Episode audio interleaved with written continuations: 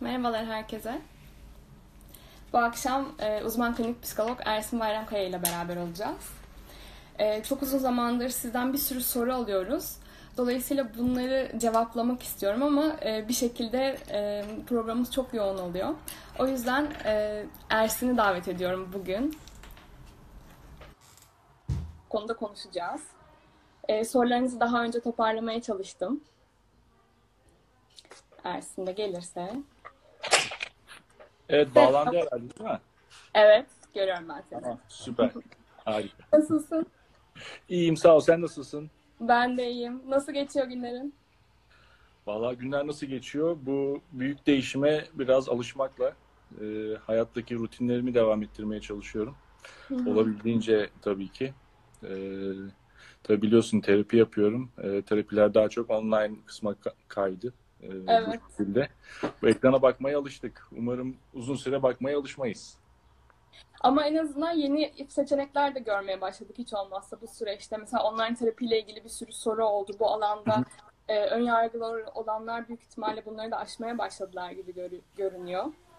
Evet evet kesinlikle sonuçta az önce söylediğim gibi e, büyük bir değişim var ve insanın da e, inanılmaz bir adaptasyon e, yeteneği var. E, bu değişime bir şekilde uyum sağlamaya çalışıyoruz. E, bu süreçte özellikle benim mesleğim için, e, terapi için ya da sadece terapi için değil e, birçok eğitimler için de e, artık online kısmı e, çok önemli oldu. E, hayat sonuçta bize bazı şeyleri öğretiyor. E, aslında birçok şeyi bizim seçtiğimizi zannediyoruz ama hayat da bizim için birçok şeyi seçiyor. Ee, sonuçta hayatın bizim için seçtiği bu şeyle de baş etmeye çalışıyoruz. Ee, o yüzden yeni şeyleri de öğreniyoruz. Öğrenmek zorundayız aslında bir noktada da. Evet bir de çok fazla planlarımız değişti. Bir sürü yapacağımız şeyler vardı. Her şey bir anda nereye gitti bilmiyorum şu anda ama yeni yeni şeyler geliyor. O yüzden o açıdan da Aynen. iyi olmaya çalışıyoruz gibi. Kesinlikle, kesinlikle. Yani e, umudumuzu korumamız gerekiyor zaten.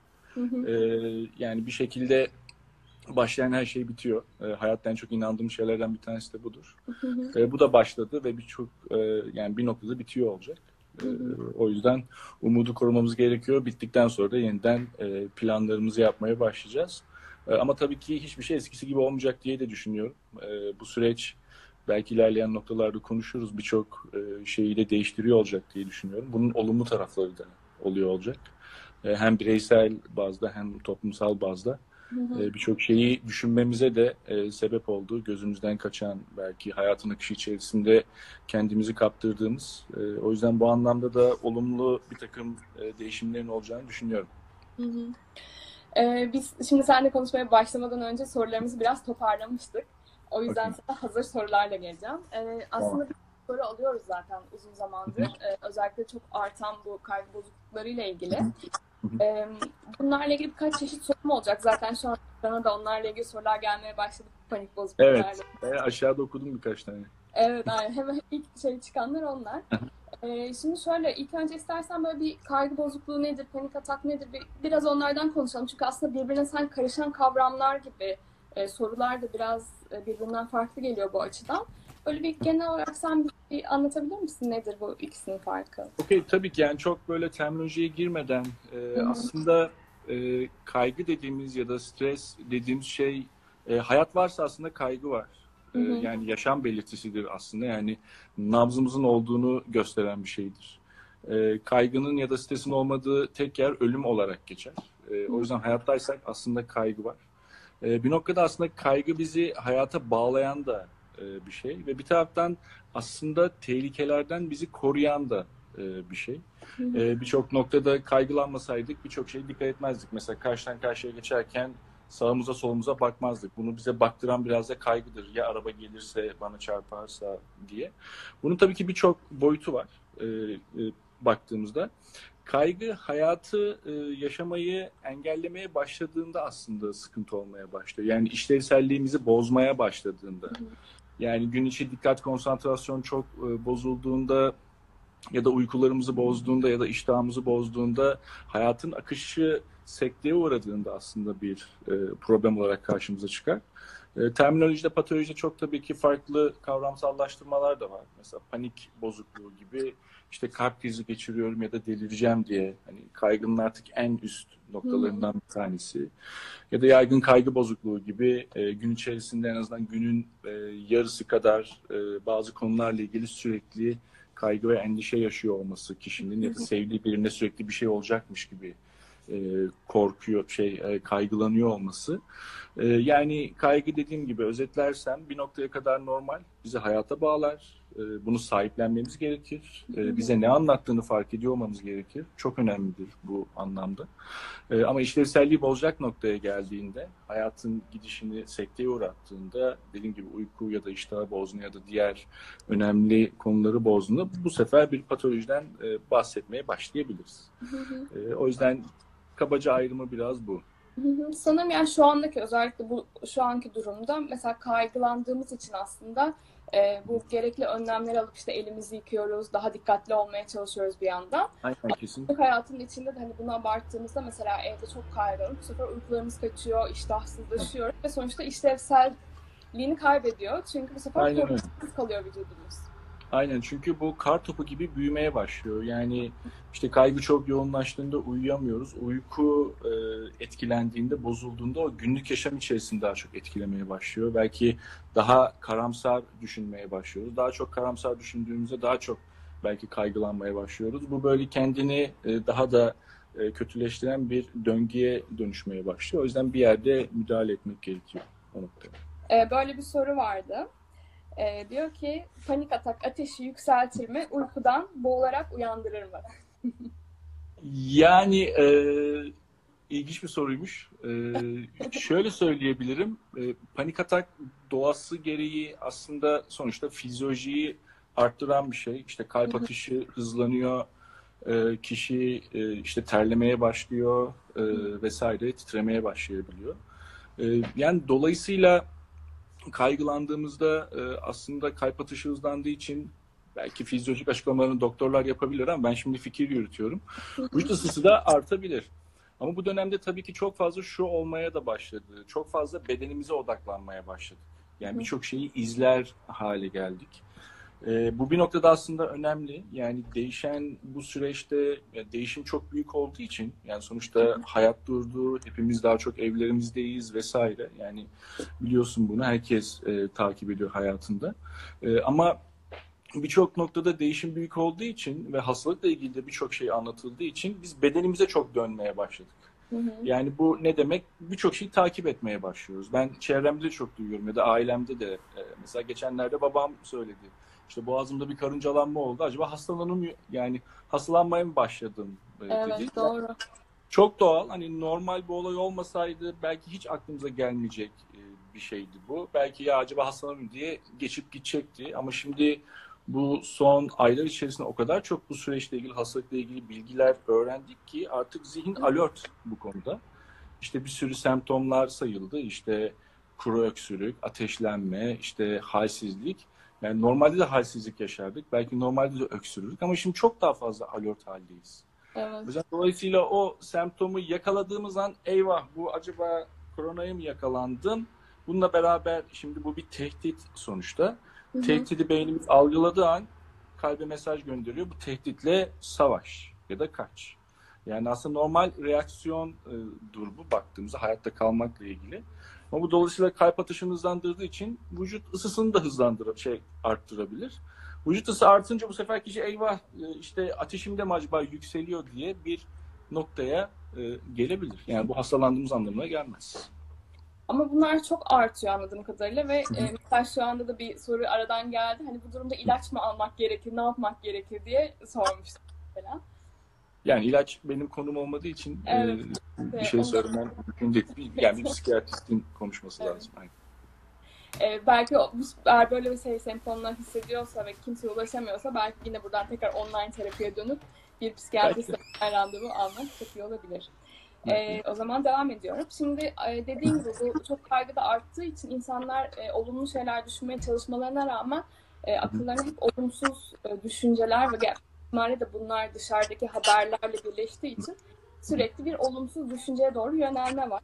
E, o yüzden olumlu düşünürken bile aklımda olumsuz düşünceler geliyor ve bunları engelleyemiyorum. Bunlardan nasıl kurtulabilirim diye bir e, soru daha var. Ee, aslında bu soruya belki şöyle cevap vermekle başlamak doğru olur. Bu normal. Yani gün içerisinde benim de aklıma e, olumsuz düşünceler geliyor. Sonuçta sosyal medya e, aslında çok güçlü bir araç. Yani bir taraftan da aslında sıkıntı yaratan da bir araç. İşte bir sürü haber e, kaynağından bir sürü bir şey öğrenebiliyorsunuz. Bir kısmı gerçek değil, bir kısmı belki gerçek. E, ama yani gün içerisinde mümkün olduğunca evet olumlu kalmaya çalışıyoruz. E, ben de kendim için öyle yapıyorum ya da rutinlerime devam ediyorum ve bir şekilde zihnim o rutinimle ilgilenirken e, aslında dışarıdaki gerçekliği bir miktar unutuyor. Çünkü oraya odaklanıyorum. Yaptığım bir seansa, okuduğum bir kitaba, izlediğim bir filme ya da yaptığım bir sohbete elimden geldiğince tabii ki. Ee, ama bir anda bir yerden bir haber görüyorsunuz. Belki bir sosyal medyaya giriyorsunuz ya da bir arkadaşınız arıyor kaygılanmış e, durumda. E, ister istemez aklımıza olumsuz düşünceler geçiyor. E, bunlardan kurtulmamız gerekiyor mu emin değilim aslında. Yani bunlar kurtulacak şeyler değil. Aslında bunlar ilk başta kabullenilecek e, ve üzerine daha yakından bakılacak şeyler diye düşünüyorum. O düşünce ne anlatıyor? E, bir ona bakmak gerekiyor aslında. E, belki yapılacak şeylerden bir tanesi şu, kişinin kendi düşünce süreçlerini bir anlamda sorguluyor olması baktığında aslında bu düşünce bana bunu söylüyor ama bu ne kadar gerçek? Belki düşüncenin kanıtları sorgulandığında aynı haberlerin kanıtları sorgulandığı gibi e, bir noktada zaten düşünceler kanıtları sorgulandığında çürümeye başlayabilir. Ama zihnimiz bu konuda e, beynimiz inatçıdır. Yani bize bir şeyi göstermeye çalışır. Bak burada bir şey var, bir tehdit var. Bunu da bize senaryoyla gösterebilir. İşte bir haber okur ve kişi gelecekle ilgili olumsuz senaryolar yaratabilir. E, o böyle biraz inatçı bir şekilde geliyor olacak. Belki bizim de biraz inatçı bir şekilde ona karşı sağlam durmamız gerekiyor olacak. Ama kurtulmamız gereken bir şey değil. Çünkü bunlar böyle biraz gölge gibidir. İnsan kendi gölgesinden kurtulamaz aslında. Ee, ama bir noktada zihniyle, mantığıyla bakarsa, işte aydınlatırsa gölge kaybolur bir anlamda. Ama karanlık olursa ya da bir yerden sadece bir ışık gelirse yine gölge arkasında beliriyor olacak. Ee, o yüzden mümkün olduğunca düşünceleri biraz daha yakından bakmak ve sorgulamak. Ne anlatıyor bu düşünce? Belki biraz daha kanıtlar sorgulandığında da gerçekçi olmadığı fark edilebilir. Eğer düşünce zaten gerçekse kaygılanıyor olması da gerçek bir taraftan. Hı hı. O yüzden biraz gerçekçiliği sorguluyor olmak belki yapılacak şeylerden bir tanesi. O zaman sorularıma devam ediyorum. Okay. Ee, hem sorgulamak dedim hani hissettiklerim şeyler ama büyük de bir belirsizlik var. Ee, be, belirsizlik tabii ki de aslında bu kaygının da e, çok büyük oranda kaynağı. Ee, belirsizlik beni çok rahatsız ediyor. Ne yapmalıyım demiş. Ama senin dediğin gibi aslında bu bir şekilde kaygıyı yönetmenin bir yöntemi aslında bu.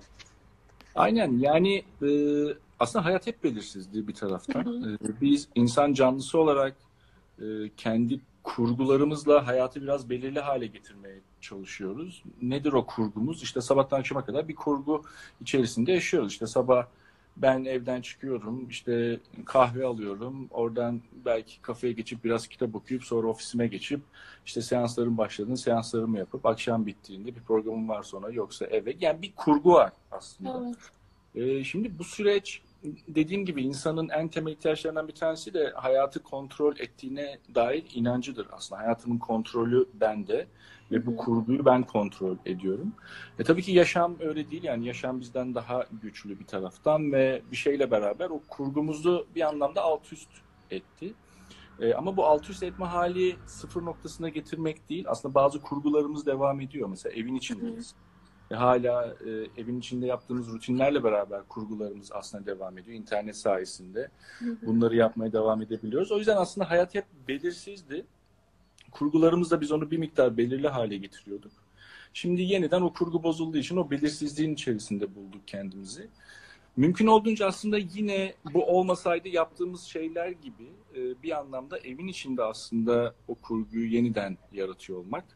Bunun en temel şeylerinden bir tanesi zaten bu süreçte birçok insan bunun altını çiziyor. Rutinlerimizi oluşturuyor olmak. Yani ben sabah yine e, aynı saatte uyanıyorum. Önceden ne yapıyorsam aynı şeyleri yapmaya çalışıyorum.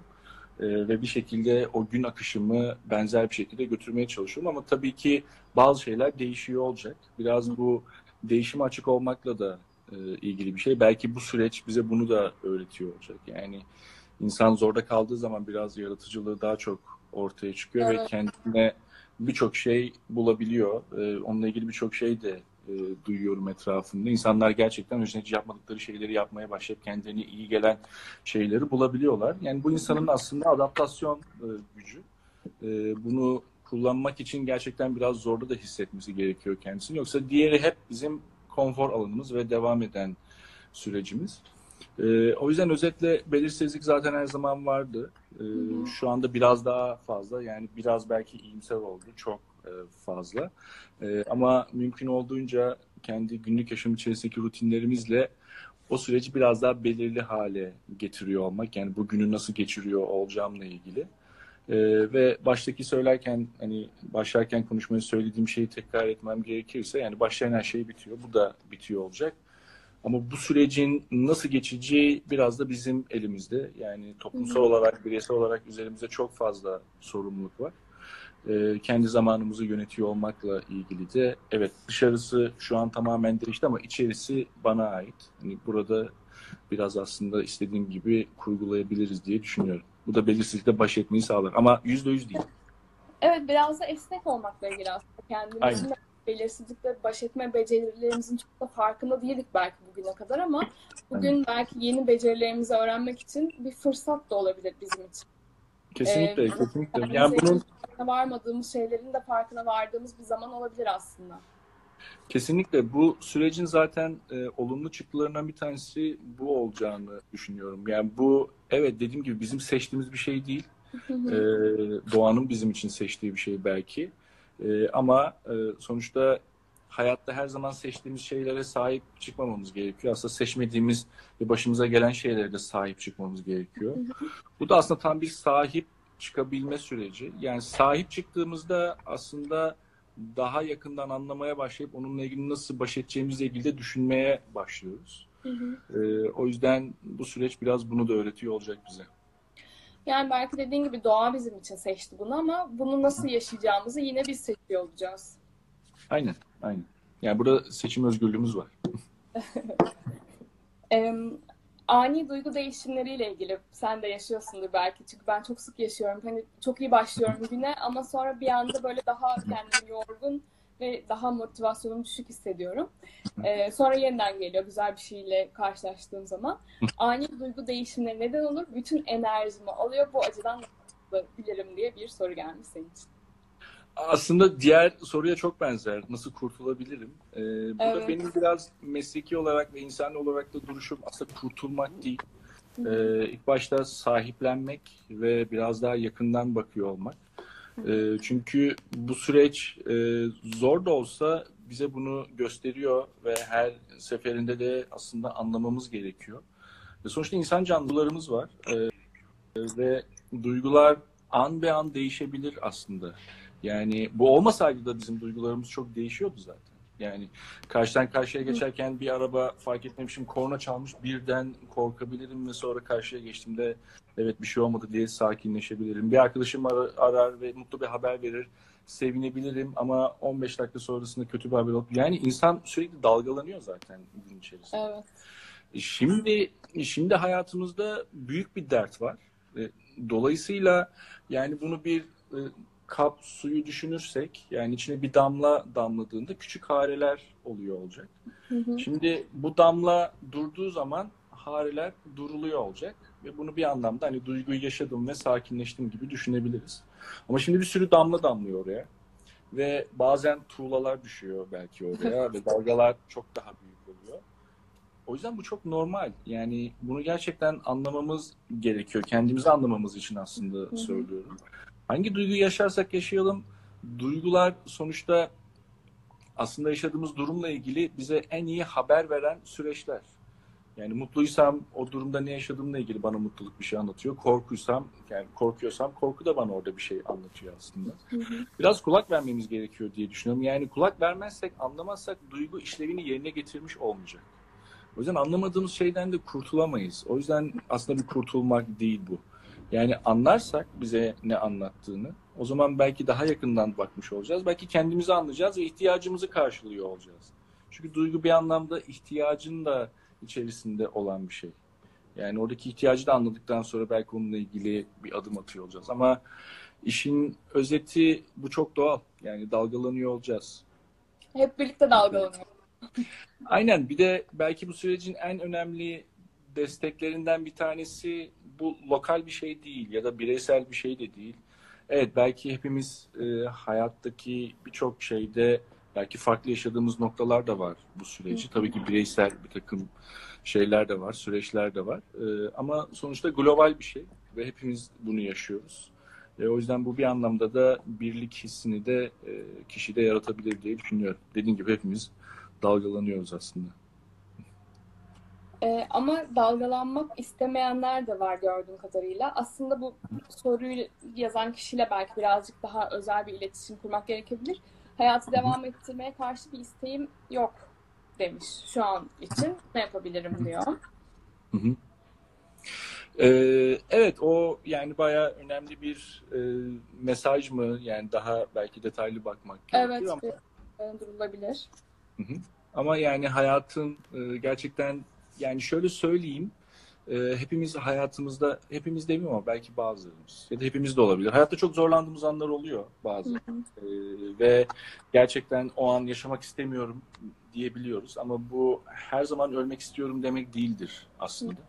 E, ama o e, kişi bunu niçin yazdı e, tabii ki onu bilmek çok zor. Evet. Ama hepimiz hayatında çok zorlandığı ve e, zor noktalarda kaldığı anlar olur. O- onu da anlamak lazım. Yani orayı da belki anlamak, kabullenmek, ne oluyor da isteğim yok e, diye biraz daha yakından bakmak ve belki birilerine, belki bir uzmana danışması e, bile Evet. iyi olur. İyi olabilir gibi. Ee, Ama bu süreçte yani şey de çok e, anormal olduğunu düşünmüyorum. Bu motivasyonların kayboluyor olmasını çok e, anormal olduğunu düşünmüyorum. Yani çok normal. Çünkü Evet. süreç gerçekten zorlayıcı bir süreç ve bazen ara ara motivasyonlarımızı kaybedebiliriz. Zaten şöyle bir şey olduğuna inanmıyorum. Yani motivasyonlu insan her zaman böyle çok motivasyonlu, çok iyi götürüyor hayatını değil. Yani şu süreçte de birçok insan bundan çok etkilendi ve motivasyonunu kaybetti. Ama bu biraz kaybettiği motivasyonunu yeniden kazanmak için aslında gayret ediyor olmak. Bu biraz dikkat konsantrasyon da öyledir. Yani dikkati konsantrasyon çöküyor olan insanların bile böyle 20 dakikada dikkati dağılır. Sonra yeniden konsantre olur. Yani ne anlatılıyordu burada ya da ne izliyordum diye yeniden konsantre olur aslında kişi. O yüzden bu e, motivasyonumuzu kaybederiz. Ama yeniden ne yaptığımızı kendimize hatırlatarak belki e, neydi bana burada iyi gelen şey, ben bunu niye yapıyordum diye belki sorarak yeniden o içsel motivasyonunu yani e, buradaki yani bunu yapmaktaki anlamı neydi? O kişi ne yapıyorsa hayatında. Bunu biraz belki kendini hatırlatarak e, ama bu yani yeri gelmişken aklıma geliyor. Bu süreç belki bazı hayatımızdaki anlamları da değiştiriyor olacak. Belki öncelikleri de değiştiriyor olacak. Belki yaptığımız bazı şeyler gerçekten çok anlamsız geliyor olacak. Bu Hı hı. de kötü bir şey değil. E, hayatta zaten e, çok zorlu durumlarla karşılaşan insanların hayatlarını olumlu anlamda değiştirdikleri görülür. Böyle bir psikolojik olgunlaşma sürecine girerler. Bu biraz bu süreç bittikten sonra gerçekleşiyor olacak aslında. Çünkü şu anda stres devam ediyor yani. Hı hı. Devam eden bir stres var. Ama bu bittikten sonra birçok insan belki hayatında bazı şeyleri sorgulamış ve öncelikleri değiştirmiş. Ve hayatında çok daha farklı bir yerden devam edecektir diye düşünüyorum. O yüzden bu tarz motivasyon kayıpları da e, anlamsız değil, anlamlı. Evet yani büyük bir deneyim. Bir, o yüzden de hani mutlaka bir değişme neden olacaktır arkasından. Kesinlikle. Bir de bu e, özellikle 65 yaş üstünün dışarı çıkması çıkmasının engellenmesiyle ilgili tabii bir konu var. E, mesela gençler ailelerine gitmiyorlar, ziyaret etmiyorlar e, ve belli bir mesafede kalmaya çalışıyorlar. E, sürekli ailemi düşünüyorum ve onları çok kaybetmekten çok korkuyorum e, diye bir soru var. Bu da tabii ki de o kaygılarla e, hani Aynen. ol- daha henüz olmamış ya da hani olma potansiyeli olan şeyi çok fazla düşünmekle ilgili ama sen ne derdin bu soru için? Kesinlikle öyle. Yani benim annem babam da 65 e, yaşının üstünde. Annem 64, babam 67 yaşında. Ee, ben de bu olay Türkiye'de yayılmaya başladığında hemen aradım. Dedim ki evden çıkmıyorsunuz. Hemen öyle bir düzen oluşturduk. Abim onların yanında Samsun'da onlar. Ee, tabii ki endişelendim e, ve bu endişeyi hala taşıyorum çok doğal olarak. Ee, ama yaptığım şey biraz ana odaklanmak. Ee, şu an iyiler. Ee, biraz kendimi ana getirmeye çalışmak.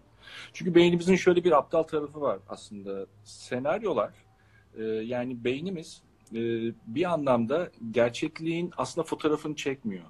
Gerçekliği kurguluyor aslında içeride. Ve bu kurgunun hikayesi çocuklar kadar gider. Yani algı nasıl algılıyorum, daha olumlu mu, daha olumsuz mu, bu bir range gibi düşünürsek hepimizin algılaması farklı. Çünkü hepimiz farklı ailelerde büyüdük. Ama beynimizin bu kurguyu yaparken kullandığı algılama e, sistemlerinde e, daha olumsuz eğilimli olan kişilerde tabii ki daha olumsuz senaryolar gündeme geliyor olacak. Ama benim şöyle aptal bir tarafı var. E, bunu gerçekmiş gibi zannediyor aslında. Yani bunu şöyle örneklendirebilirim. Yani şu an zihnimde böyle bir limon yediğimi hayal edersem ağzım sulanabilir. Mesela evet. şu an sulandı örnek verirken. ee, o yüzden beynim limon yediğini zannediyor olabilir. Ee, ve bu yüzden de ağzım sulanıyor olabilir. Bir refleks gibi aslında. O yüzden olumsuz senaryo da kendi içerisinde sanki şu an oluyormuş gibi ya da hemen sonra olacakmış gibi aslında inanıyoruz ona.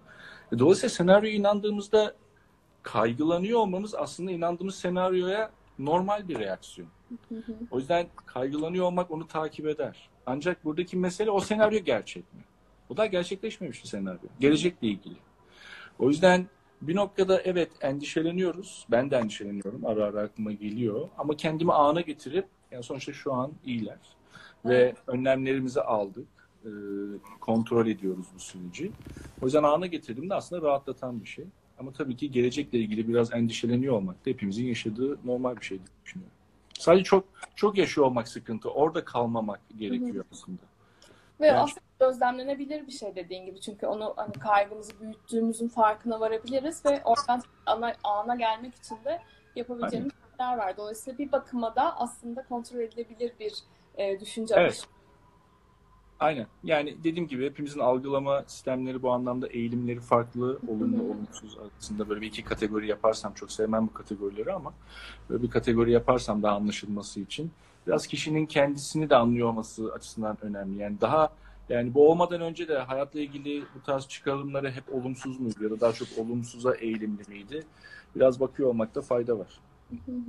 Şimdi yeni bir soru geldi. Onu paylaşmak istiyorum e, duygularımı bırakırsam kaybolacakmışım gibi hissediyorum. Hı hı. E, diyor. Duyguları bırakmak. Yani zaten duyguları bırakmamamız gerekiyor. Çünkü o hayata bağlayan temel şeylerden bir tanesi. Yani bütün duygular aslında sadece olumlu duygular değil, olumsuz duygular da bizi hayata bağlar. Yani öfke gibi, korku gibi, e, üzüntü gibi bu duygular da bizi hayata bağlar ve bunlara da sahip çıkmamız ve bunları da yaşamamıza izin veriyor olmamız gerekiyor. E, o yüzden diğer duygularla beraber bütün duygular bizi hayata bağlayan temel şeylerden bir tanesi olduğunu düşünüyorum. İlişkiler için de aslında öyledir. Yani düşünsene ikimizin de yüzünün şöyle dümdüz olduğunu ve hiçbir mimik yapmadan konuştuğumuzu yani birbirimizi anlamakta çok zorlanırdık. Evet. Ee, o yüzden yani insan duygularını bırakma kendini boşlukta hissediyor olabilir ya da orada kişi başka bir şeyi de ifade ediyor olabilir. Hı hı. Ee, belki daha detaylı konuşsak daha anlaşılır olur.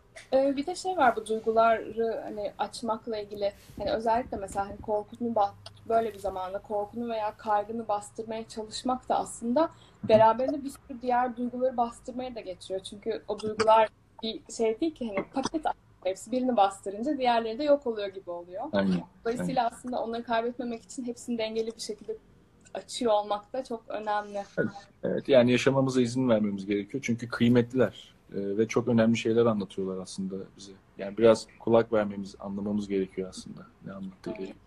Çünkü insan sadece rasyonel bir canlı değil. Yani mantık bir noktada evet okey ama duygular çok önemli. Yani onları sahiplenip yakından bakmamız gerekiyor.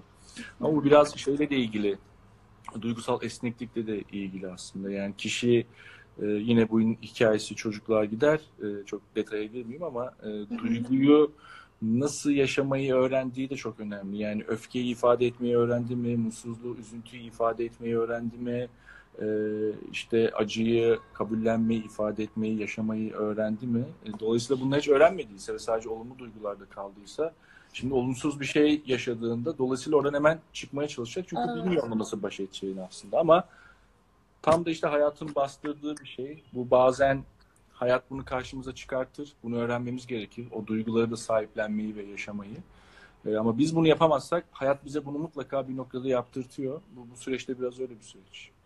Yani zorluyor aslında hayat. Öğren diye. Evet.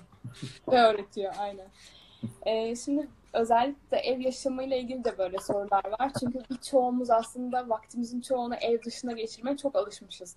İş bizim aslında hayatımızın çok büyük bir kısmını e, geçirdiğimiz bir yerde bugüne kadar. Dolayısıyla o evdeki zaman, eşlerin birbiriyle olan ilişkisi, eve ayırdığımız vakit, e, bunların hepsi bir anda çok değişmiş oldu. E, bazı evden çalışmaya başladı. Bununla ilgili bir soru vardı. Ee, evde olunca yapacağım şeyleri yapamıyorum demiş birisi. Belki bununla ilgili aslında hani motivasyonla ilgili biraz konuştuk ama daha böyle pratik önerilerin olur muydu? Hı hı. Yani tabii ki bu bu o kadar çok değişen bir yani bütün sorular gibi aslında. Yani o kadar çok denklemi var ki yani evde e, nasıl bir ortamda, nasıl şartlar içerisinde, e, ka- kalabalık bir aile içerisinde mi ya da tek başına mı yaşıyor? E, var mı çevresinde? efendim? Çocuklar var mı çevresinde? Evet çocuklar var mı çevresinde? E, yani evini seviyor muydu, sevmiyor muydu? Yani bir, bir sürü şey var aslında. E, ama belki belki şunu söyleyebilirim. Yani sonuçta e, böyle bir süreç var ve bu bizim seçtiğimiz bir süreç değil. E, ama yaşamamız gereken bir süreç. E, biraz bu süreç bittiğinde aslında kişinin geriye dönüp baktığında bu süreci nasıl geçirmek istediğini de kendine soruyor olması çok önemli.